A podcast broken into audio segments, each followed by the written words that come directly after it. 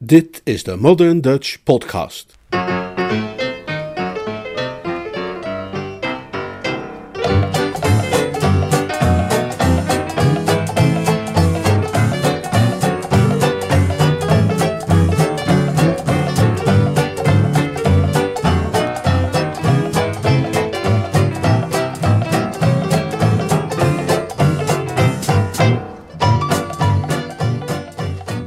Bandenbom met bingo. Een verhaal van P.G. Woodhouse uit de bundel Plum Pie, 1966. Vertaald en voorgelezen door Leonard Beuger.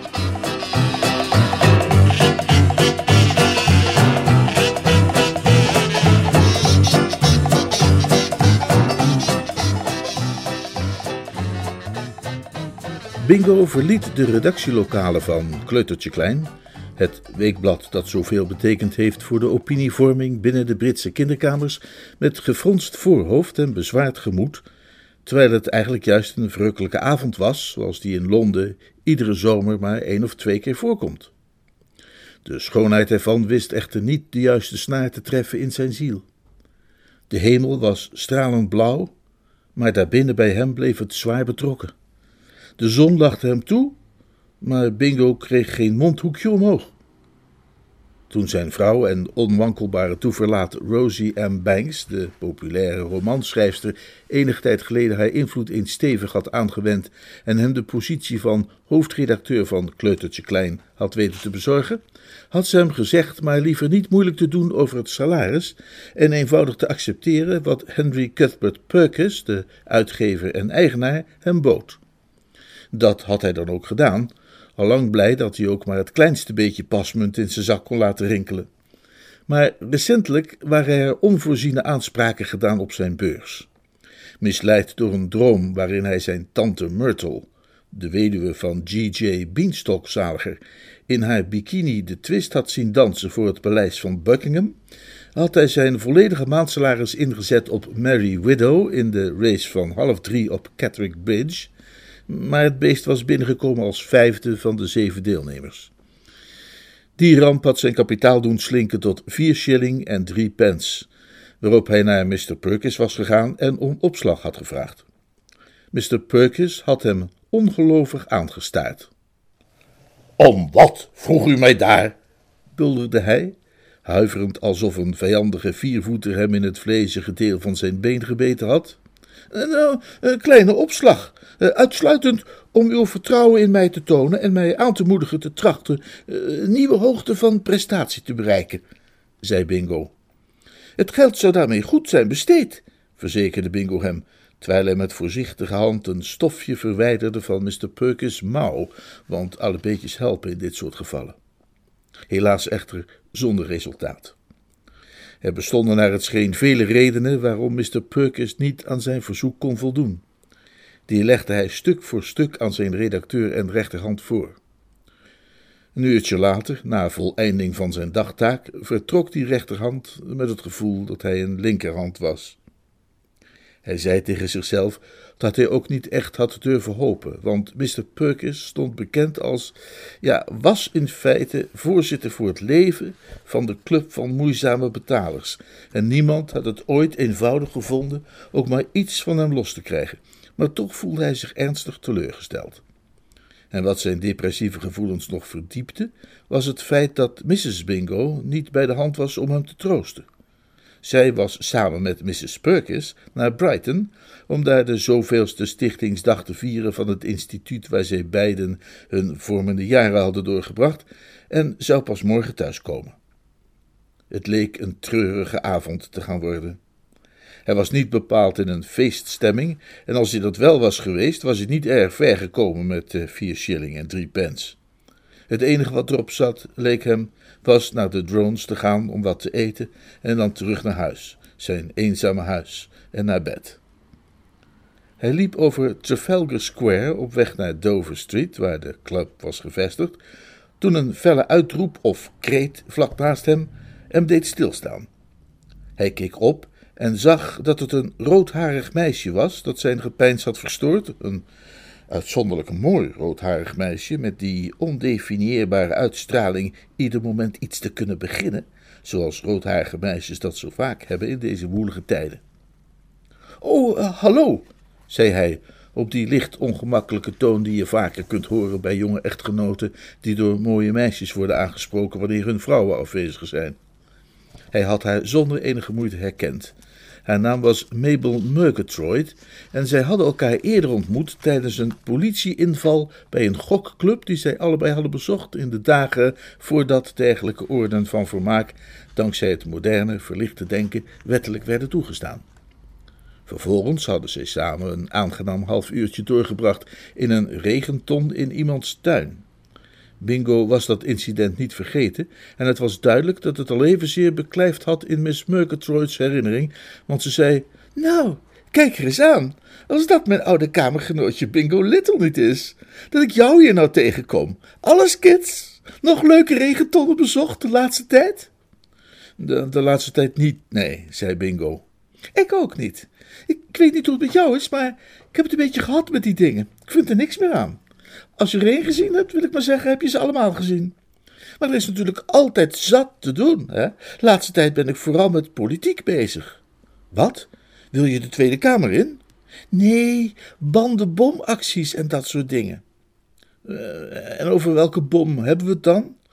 Hm, de bom die ons allemaal uit ons jasje gaat blazen als daar geen stappen tegen worden ondernomen via de daartoe geëigende kanalen. Ha, juist. Uh, dan weet ik welke bom je bedoelt, Jess. Uh, ja, dat is heel kwalijk voor mens en dier. Zo denken wij er ook over. En als ik zeg wij, dan heb ik het over een groep jongeren waar ik ook bij hoor. Wij protesteren tegen de bom. Wij organiseren regelmatig protestmarsen vanuit Eldermasten. We protesteren ons een ongeluk. Nou, het lijkt me heel vermoeiend voor de voeten. Ja, maar het is reuze verkwikkend voor de ziel. En we zitten natuurlijk ook veel. Zitten? Precies. Zitten waar? Nou, waar we dan ook toevallig zijn. Zoals hier, om maar een voorbeeld te noemen. Wat? Midden op Trafalgar Square. Heeft de gendarmerie daar geen bezwaar tegen? Nou, nof, die grijpen ons bij bosjes in de kraag. Eh, en is dat goed? Nou, dat kon niet beter. Dan staan we de volgende ochtend in de krant en dat is nuttige propaganda voor ons. Ha, daar komt oma Gent juist aan, helemaal op het goede moment. op de grond, jij, zei Mabel Murgatroyd. Ze greep Bingo bij de arm en trok hem met zich mee naar beneden op het asfalt, zodat zestien taxis, drie autobussen en elf privéwagens scherp moesten remmen, waarbij de onderscheiden chauffeurs een ferme reeks onderscheiden krachttermen produceerden. Het was een moment vol narigheid en ongemak voor Bingo. Nog afgezien van het feit dat dit allemaal niet zo goed was voor zijn nieuwe broek, had hij het gevoel dat hij enorm ging opvallen, iets waar hij een gruwelijke hekel aan had. En het gevoel was nog juist ook. Ook had hij door zijn abrupte nederdaling nogal lelijk op zijn tong gebeten. Nu waren dat uiteindelijk slechts kleine ongemakken. Wat hem echter werkelijk zorgen maakte, was de nadering van de overheidsdienaar wiens komst zijn metgezel al had aangeduid. Die stoomde op met hoge snelheid en extreem dreigend voorkomen. Mingo schatte zijn lengte op ruim 2,60 meter en zijn stemming was duidelijk niet erg opgewekt. Nu wekte dat ook weinig verbazing. Al wekenlang had hij zijn rugspieren moeten forceren bij het optillen en wegvoeren van jonge dames van de Londense openbare weg, en die taak was hem langzamerhand behoorlijk de keel uit gaan hangen. Zijn hardgrondige afkeer van zulke jonge dames werd alleen nog overtroffen door zijn aversie tegen hun begeleiders. Daarom greep hij zonder ook maar een inleidend ho of waar zijn wij hiermee bezig Bingo en Miss Murgatroyd bij de kraag en voerde hen af. Binnen de kortste keren bevond Bingo zich in een van die knusse politiecellen in Busher Street, gereed om de volgende ochtend te worden geconfronteerd met de ontzagwekkende majesteit van de wet. Het was uiteraard geen volkomen nieuwe ervaring voor hem. In zijn vrijgezelle dagen had hij zich gewoonlijk ook in hechtenis bevonden op, of in ieder geval na, de avond van de jaarlijkse grote roeiwedstrijd. Maar tegenwoordig was hij een respectabel huisvader en had hij al dat soort dingen vaarwel gezegd. Het is dan ook niet te sterk uitgedrukt wanneer ik zeg dat hij gloeide van schaamte en spijt. Ook voelde hij zich uiterst bezorgd. Hij kende de gang van zaken bij dit soort gelegenheden. Om te voorkomen dat je zeven dagen in de Noord moest blijven brommen, kon je een boete betalen van vijf pond. Maar hij betwijfelde zeer of de edelachtbare de volgende ochtend genoegen zou willen nemen met vier shilling en drie pence, plus een tegoed briefje voor de rest van het bedrag. En wat Mrs. Bingo te zeggen zou hebben wanneer ze er bij haar terugkomst van op de hoogte werd gesteld dat hij in de bak zat, daar wilde hij niet eens over nadenken. Ongetwijfeld zou ze ontploffen met een klap als die van de bom die hij nu juist bezig geweest was in de band te doen. Het was dan ook met een dusdanig diepe zucht van opluchting dat hij er bijna door flauw viel de volgende morgen te mogen ontdekken dat de politierechter er een bleek te zijn van het langmoedige type dat weet hoe gerechtigheid te lenigen met genade. Misschien was het zijn verjaardag, maar waarschijnlijker was het dat het de stralende schoonheid van Miss Murgatroyd uh, was die ermee van doen had. Hoe dan ook volstond hij met slechts een berisping en mocht het tweetal overtreders vertrekken zonder de gestrenge hand van de wet te hebben gevoeld. Kortom, de vreugde was gekomen in de morgen, precies zoals de psalmdichter beweert dat altijd het geval is, en het verbaasde Bingo dan ook dat zijn mededelinquent helemaal niet opgetogen leek. Haar charmante trekken waren betrokken alsof ze ergens mee topperde. Op de vraag waarom ze geen gat in de lucht sprong, antwoordde ze dat ze liep te piekeren over haar oude, witharige vader, George Francis Augustus Delamere, de vijfde graaf van Ippleton, wiens bestaan ze tijdens haar protestactie op Trafalgar Square tijdelijk uit het oog had verloren. Als hij dit te weten komt, wordt hij ziedend, zei ze. Maar hoe zou hij dat te weten kunnen komen? Hij komt altijd alles te weten. Hij heeft een soort zesde zintuig. Heb jij familie of dierbaren die je zullen gaan mopperen? Alleen mijn vrouw, en die is niet thuis. Dan heb je mazzel, zei Mabel Murgatroyd. Bingo had het niet hardgrondiger met haar eens kunnen zijn. Mrs. Bingo en hij hadden hun huiselijk leven altijd geleid in volstrekte tortelduifjesstijl, maar hij had voldoende studie gemaakt van het andere geslacht om te weten dat je ook een tortelduif te ver kunt drijven. Rosie was beslist het liefste en zachtaardigste meisje in een wereld waarin lieve, zachtaardige meisjes toch al behoorlijk zeldzaam zijn, maar de ervaring had hem geleerd dat ook zij, onder de juiste voorwaarden, in staat was zich in alle opzichten te laten kennen als zo'n orkaan die zich ontwikkelt tot categorie 5 bij het bereiken van Kaap Hatteras. Het was geruststellend om te bedenken dat er geen kans bestond dat ze ontdekken zou dat hij in haar afwezigheid gezellig had zitten doen in het beklaagde bankje van de politierechter in Bosher Street met roodharige meisjes van buitengewone schoonheid. Het was dan ook in de overtuiging dat als dit niet de beste was van alle mogelijke werelden, die wereld toch ruimschoots voldeed tot de komst van een eventuele andere, dat hij zich naar de redactielokalen van Kleutertje Klein begaf en al daar het zitvlak in de hoofdredactionele zetel neerliet. Hij had niet erg geriefelijk geslapen op de eenvoudige brits die de overheid hem ter beschikking had gesteld, en hij had vrijwel niet ontbeten. Maar hij had het gevoel dat de wederwaardigheden die hij had moeten doormaken een ernstiger en wijzer mens van hem hadden gemaakt, wat altijd een goede zaak is. Met opgewekt gemoed begon hij aan het doornemen van de correspondentie van die ochtend, ten einde materiaal te verzamelen voor de rubriek Oom Joop en zijn Kika Kuikentjes, die zo'n populair aspect vormde van het tijdschrift. En juist was hij de bijdrage aan het doornemen van Tommy Boetel, 12 jaar, over diens Angora-konijn Kenneth, toen de telefoon ging en de stem van Mrs. Bingo via de lijn tot hem kwam. Bingo? Oh, hallo, licht van mijn bestaan. Hoe laat was je thuis? Zojuist. Alles goed gegaan? En genoegen. Heeft Ma Perkins haar praatje gehouden? Ja, maar Perkins heeft het woord gevoerd. Zeker een hoop oude schoolmaatjes gezien, neem ik aan. Nogal wat, ja. Vast heel leuk geweest om die weer eens te spreken. Natuurlijk lekker gebabbeld en verhalen opgehaald over nachtelijke smulpartijen op de slaapzaal. Hè? En wat de gymjuf zei toen ze Maud en Angela betrapt had met die sigaren achter de kleedhokken.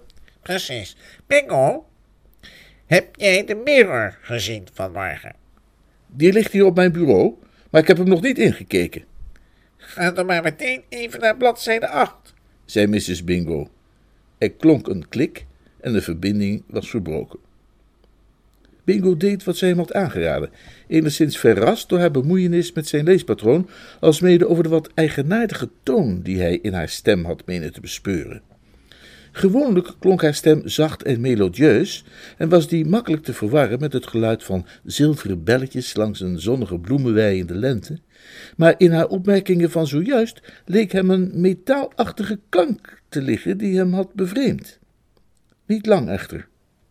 Nauwelijks had hij een enkele blik geworpen op de aangeduide pagina, of alles was hem volkomen duidelijk, en de redactielokalen van Kleutertje Klein gingen over tot een entrechat of kuitenflikker, zoals Nijinsky die placht te doen bij het Russisch ballet. Het was alsof de bom waar Miss Murgatroyd zo'n hekel aan had, was afgegaan onder zijn draaistoel. Bladzijde 8 bevatte voornamelijk foto's. Er was er een van de minister-president die een liefdadigheidsbazaar opende, een van een inwoner van Chipping Norton die onlangs zijn honderdste verjaardag had gevierd, en een van studentenrellen in Pernambuco of Mozambique of iets in die buurten. Maar de enige foto die hem vermocht te boeien, was die onderaan de bladzijde. Er was een fors gebouwde politieagent op te zien met in zijn ene hand een meisje van buitengewone schoonheid en in de andere een jongeman wiens trekken, hoewel enigszins vervormd, onmiddellijk herkenbaar voor hem waren.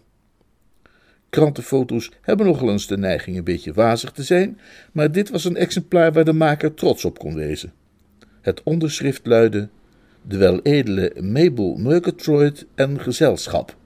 Hij staarde ernaar met ogen die uitpuilden op de wijze zoals die populair is gemaakt door slakken, en wekte daarbij de indruk te zijn opgezet door een preparateur die zijn vak geleerd had met behulp van een schriftelijke cursus en daarbij niet verder gekomen was dan les 3.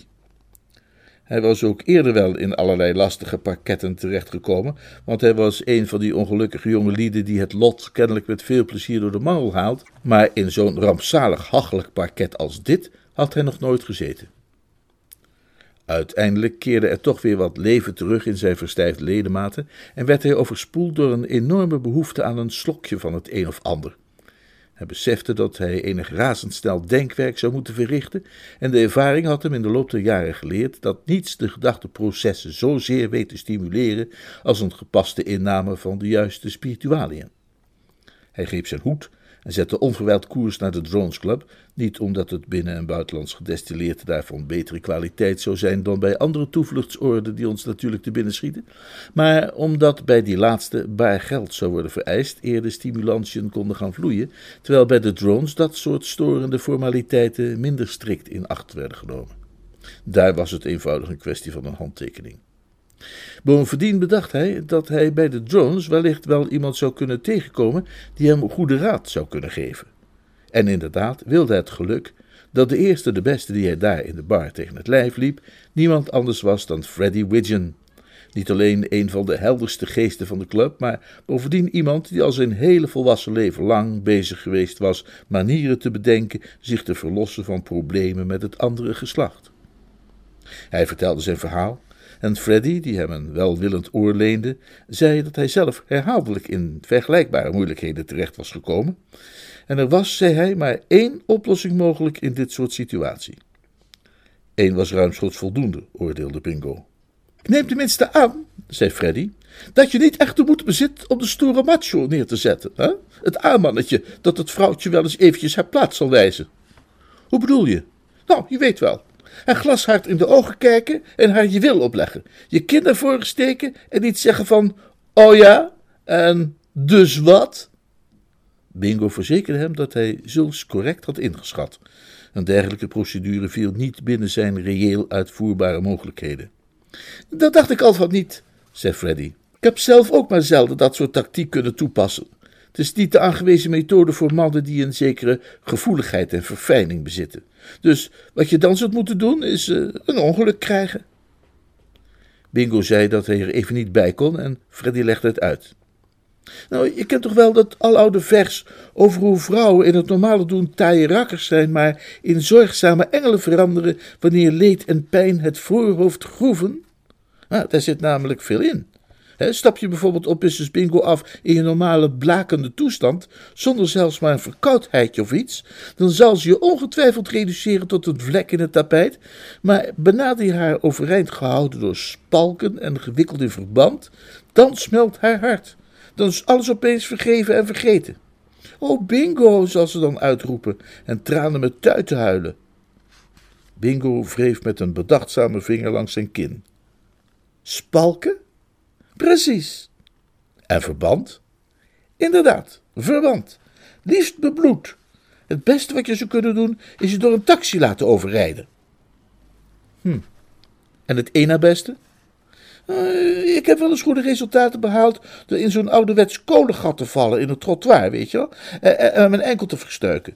Maar je vindt tegenwoordig niet gemakkelijk nog een goed kolengat. Dus ik zou toch maar voor die taxi gaan als ik jou was. Nou, ik weet niet of ik het wel zo'n prettig idee zou vinden door een taxi te worden overreden. Liever een vrachtwagen? Nee, een vrachtwagen is nog erger. Dan, dan zal ik je wat anders vertellen. Ga terug naar kantoor en laat een schrijfmachine op je voet vallen. Nou, dan breek ik misschien wel een teen. Precies, beter kan niet. Of je moet er twee of drie breken als je toch een keer bezig bent. Bingo huiverde. Ja, dat, dat gaat mij niet lukken hoor, Freddy, beste kerel, zei hij. Freddy klakte misprijzend met zijn tong. Jij laat je ook niet gemakkelijk helpen, moet ik zeggen. Hè? Dan is een dubbelganger nog het enige dat je kan redden volgens mij. Oh, een dubbele heb ik al gehad. Twee zelfs. Nee, ik bedoel niet dat soort van dubbelganger. Je moet tegen Mrs. Bingo zeggen dat er iemand rond moet lopen die zo precies op jou lijkt dat iedereen hem voor jou houdt. Bingo bloeide op als een bloem in de lente.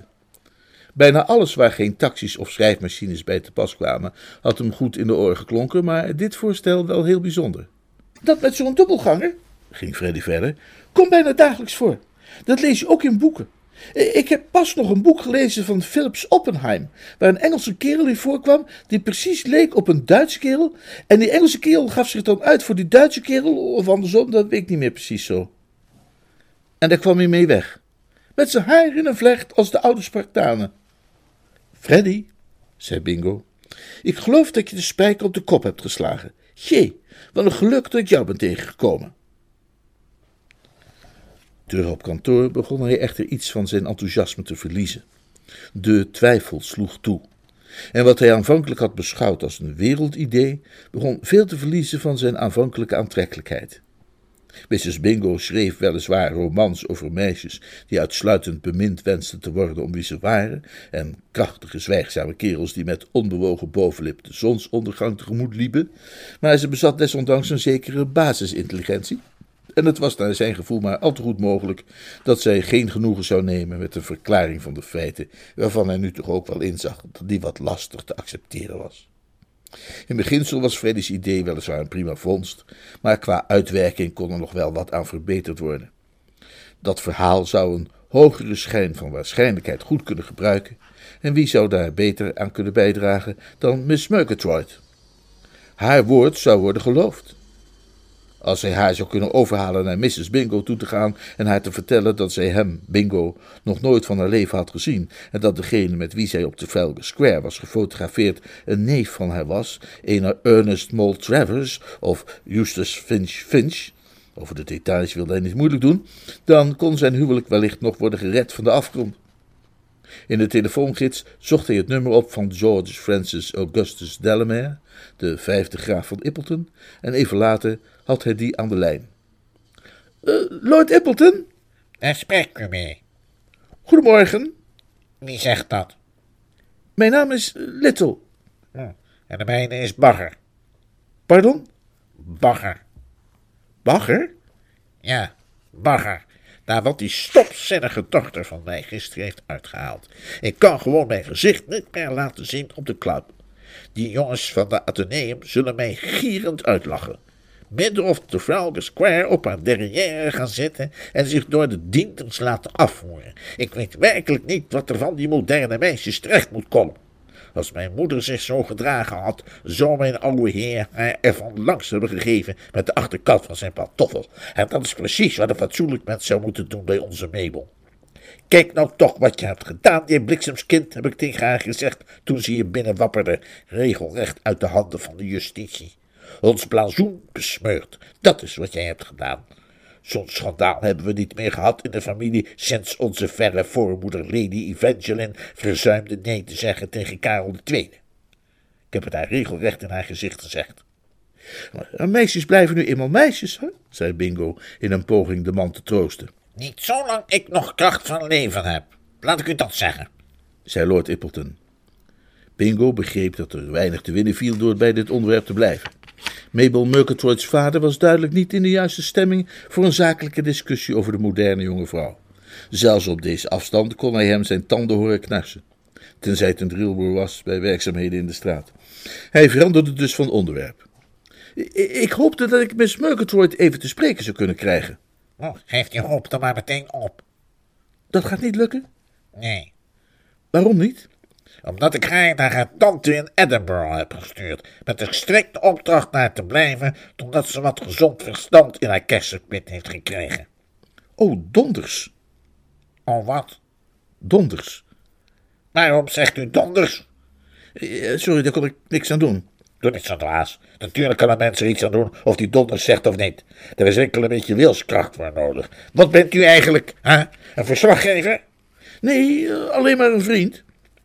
Bingo kende niet uit eigen waarneming het gehuil van een grijze wolf die bij een van zijn snelle tochten door de Canadese wouden zijn teen stoot tegen een rots, maar hij vermoedde dat het sterk leek op het geluid dat thans zijn trommelvlies bijna scheurde. ja, een vriend zeker. Ja, ja. Zeker een van die vrienden die dat arme, massief schedelige uilskuiken op het verkeerde pad hebben gebracht en haar hebben geleerd blazoenen te besmeuren. Het liefst zou ik jullie soort persoonlijk komen vullen met een botmes en een dansje doen op de treurige restanten. Viespeuken met baarden. Jij hebt natuurlijk ook een baard. Nee, nee, ik- geen baard. Probeer me maar niet voor de gek te houden. Al jullie gruwelijke pummels zijn begroeid met die kindschimmel. Jullie pronken daarmee. Waarom scheren jullie je slotverdorie niet gewoon? Ik scheer mij elke dag. Oh ja? En heb jij je vanmorgen geschoren? Nou, nee, vandaag toevallig niet. Eh, ha- had ik geen tijd voor. Ik had het vanmorgen heel druk. Wil je me dan een persoonlijke gunst bewijzen? Eh, ja, nee, maar natuurlijk, natuurlijk. Ga dan terug naar het van beestjes gegeven hol waar je vandaan komt en doe dat nu. En gebruik dan niet zo'n veiligheidsscheermesje, maar een degelijk ouderwets scheermes. Want dan is er tenminste een redelijke kans dat je je halsslagader opensnijdt. Want dat zou in de woorden van een of andere schrijver, waarvan ik me de naam even niet kan herinneren, het einde zijn met vreugd verwacht. Goeiedag. Het was in een bedachtzame stemming dat Bingo de hoorn neerlegde. Hij meende dat hij een zekere animositeit had waargenomen in Lord Ippleton's stem, bedekt weliswaar, maar onmiskenbaar, en hij ervoer dat gevoel van frustratie dat je krijgt wanneer je er weer niet in geslaagd bent vrienden te maken en invloed op anderen te doen gelden. Dat was overigens niet de belangrijkste reden voor zijn mismoedigheid. Wat hem werkelijk 90 graden dwars zat, was het besef dat nu Mabel Murgatroyd in Edinburgh zat en niet terug zou keren tot het onzekere moment in de verre toekomst dat er wellicht enig gezond verstand te midden van al dat zagenmeel zou zijn doorgedrongen. Hij dus niet meer de kans had om zijn punt aan haar voor te leggen. Laat staan het haar zich te laten eigen maken. Het was ook niet het soort verhaal, dat zag hij nu zelfs helderder in dan ooit, dat een jonge echtgenoot overtuigend zou kunnen laten klinken zonder de medewerking van een krachtige en overtuigende achterban. Philips Oppenheim was er dan misschien een keer mee weggekomen, maar dat soort van geluk doet zich geen tweemaal voor. Het begon er nu echt op te lijken dat Freddy Widgeons schrijfmachineplan als enige optie overbleef. En hij bestudeerde een tijd lang het massieve apparaat met behulp waarvan hij gewend was pedagogisch verantwoord leesmateriaal voor de kleintjes te produceren. Hij tilde het ding zelfs op en hield het een poosje in positie. Hij kon zich er echter niet toe brengen het te laten vallen. Hij weifelde en twijfelde. Als Shakespeare toevallig was voorbijgekomen met Ben Jonson, zou hij die laatste hebben aangestoten en gefluisterd: Ziet die kerel daar, gij zeldzame Ben? Die illustreert nu precies wat ik bedoelde toen ik dat dingetje schreef over die man die ik durf niet afwisselde met maar ik wil, zoals die arme kat uit het spreekwoord. Uiteindelijk gaf hij de strijd op. Hij zette de machine terug, liet zich op zijn stoel vallen en uitte met zijn hoofd in zijn handen een hol gekreun. Hij kreeg daarbij de indruk dat er een eigenaardige echo in de kamer had geklonken. Toen hij opkeek, zag hij echter dat hij zich vergist had door het betreffende geluid toe te schrijven aan akoestische omstandigheden. Er had eenvoudig tweemaal een gekreun geklonken, dat tweede gekreun afkomstig uit de mond van H.C. Perkis. De uitgever van Kleutertje Klein stond op de drempel van zijn privékantoor en hield zich overeind door tegen de deurpost te leunen. Het was bij de eerste aanblik duidelijk dat hij niet langer de beschaafde en welverzorgde H.C. Perkins was van de dag daarvoor.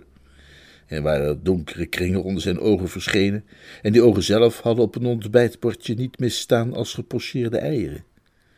Ook zijn zenuwstelsel was kennelijk niet in wedstrijdvorm, want het onverwachte getjilp van een passerend musje dat op de vensterbank was neergestreken, deed hem kort van top tot teen huiveren en vervolgens een poging doen tot wat er voor Bingo uitzag als een enthousiaste poging het Europees record te breken bij het hoogspringen zonder aanloop.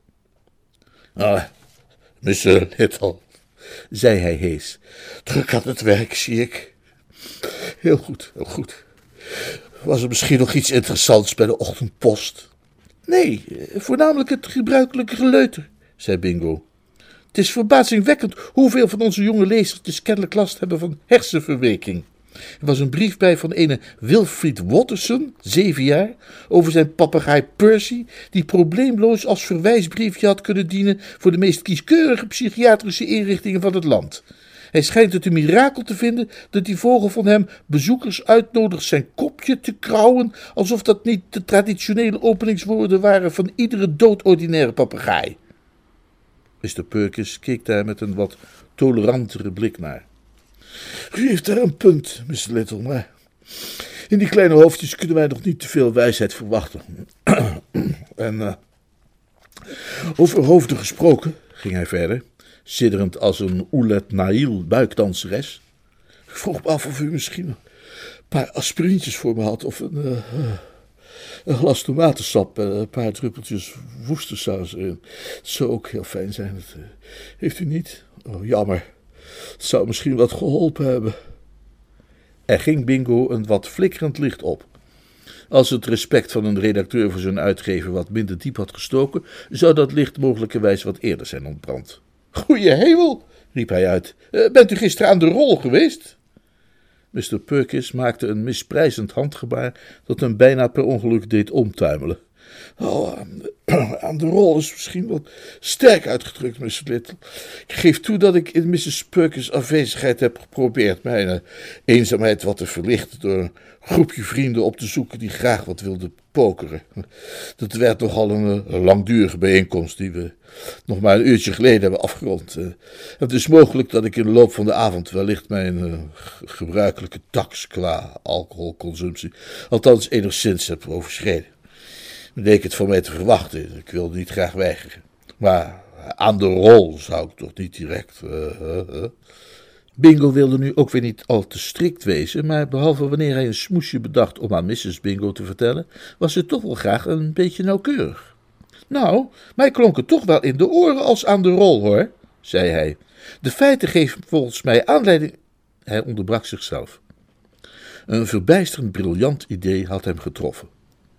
24 uur eerder zou hij met geen mogelijkheid de euvele moed hebben kunnen opbrengen zoiets voor te stellen. Maar nu H.C. Perkins had laten zien dat hij in feite ook een jongen was van de gestampte pot, uh, pokeravondjes met de vrienden en noem maar op, was hij ervan overtuigd dat hij, Bingo, als hij hem, Perkins, verzocht om te verklaren dat hij, Bingo, de hele avond met hem, Perkins, was samen geweest, hij, Perkins, niet zo onmenselijk zou zijn dat aan hem, Bingo, te weigeren een kleine gunst die hem, Perkins, niet zou kosten en waardoor hij zelf, Bingo, op fluweel zou komen te zitten.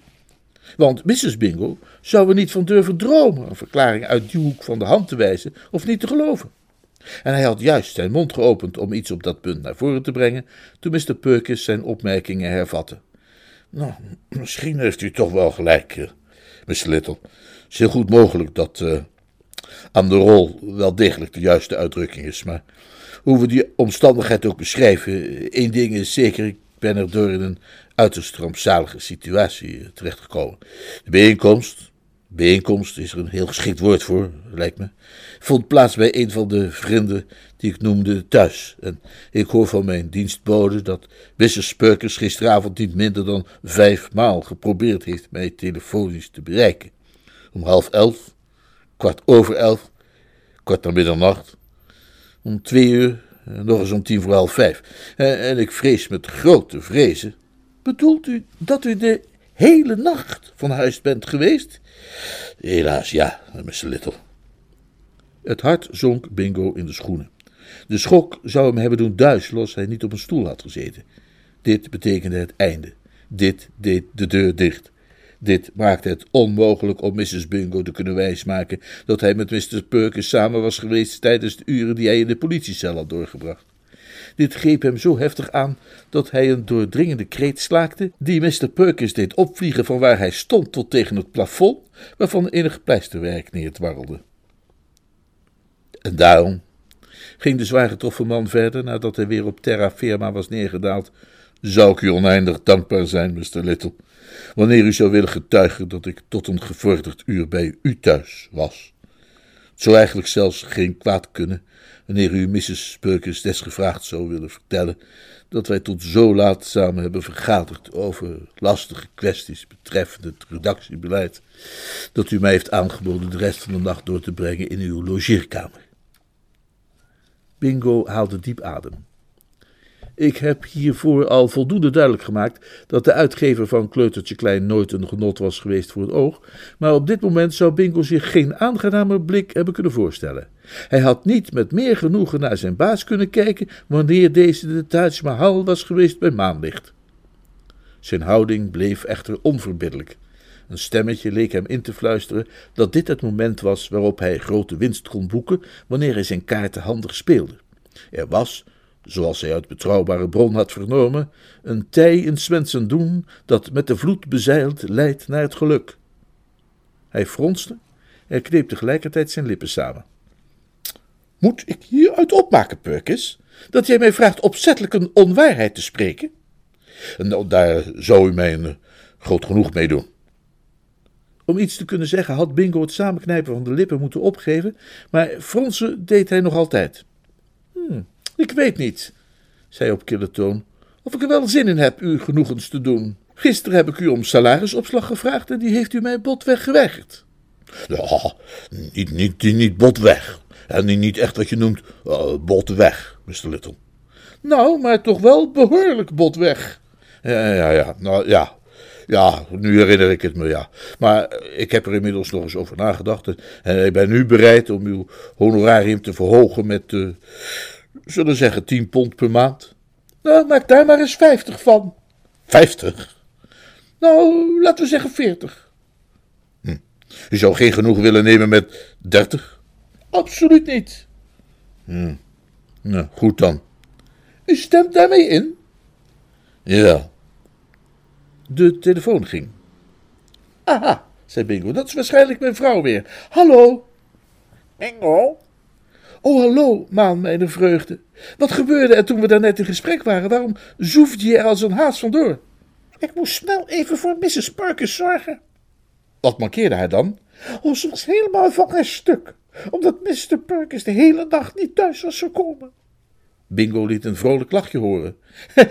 nee, natuurlijk niet. Hij was bij mij. Wat? Jazeker. We hadden allerlei redactionele aangelegenheden te bespreken. En, en ik had hem mee naar huis genomen. We zijn tot zo laat doorgegaan dat ik hem tenslotte de logeerkamer maar heb aangeboden. Daar heeft hij de nacht doorgebracht. Het bleef lang stil aan het andere eind van de lijn. Daarna zei Mrs. Bingo: Maar die foto dan? Welke foto? Oh, die foto in de krant bedoel je zeker? Ah, nee, ik weet geloof ik al wat jij denkt. Dat zag er een beetje uit alsof ik dat was, vond je ook niet? Heel verbazingwekkend.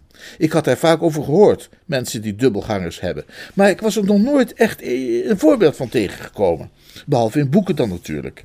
Ik herinner me een boek van Philips Oppenheim, waar een Engelse kerel in voorkwam die precies leek op een Duitse kerel. En die Engelse kerel gaf zich dan uit voor die Duitse kerel, of andersom, dat weet ik niet precies meer. En dat leverde dan verder een hoop verwarring op, geloof ik. Maar om even terug te komen op die foto. Ik heb dus de hele avond doorgebracht met Mr. Perkins en niet in een politiecel, zoals mijn dubbelganger waarschijnlijk heeft gedaan. Maar misschien wil je even met Mr. Perkins zelf spreken? Die staat hier naast me. Het is voor jou, Perkins, zei Bingo, en hij gaf hem de hoorn.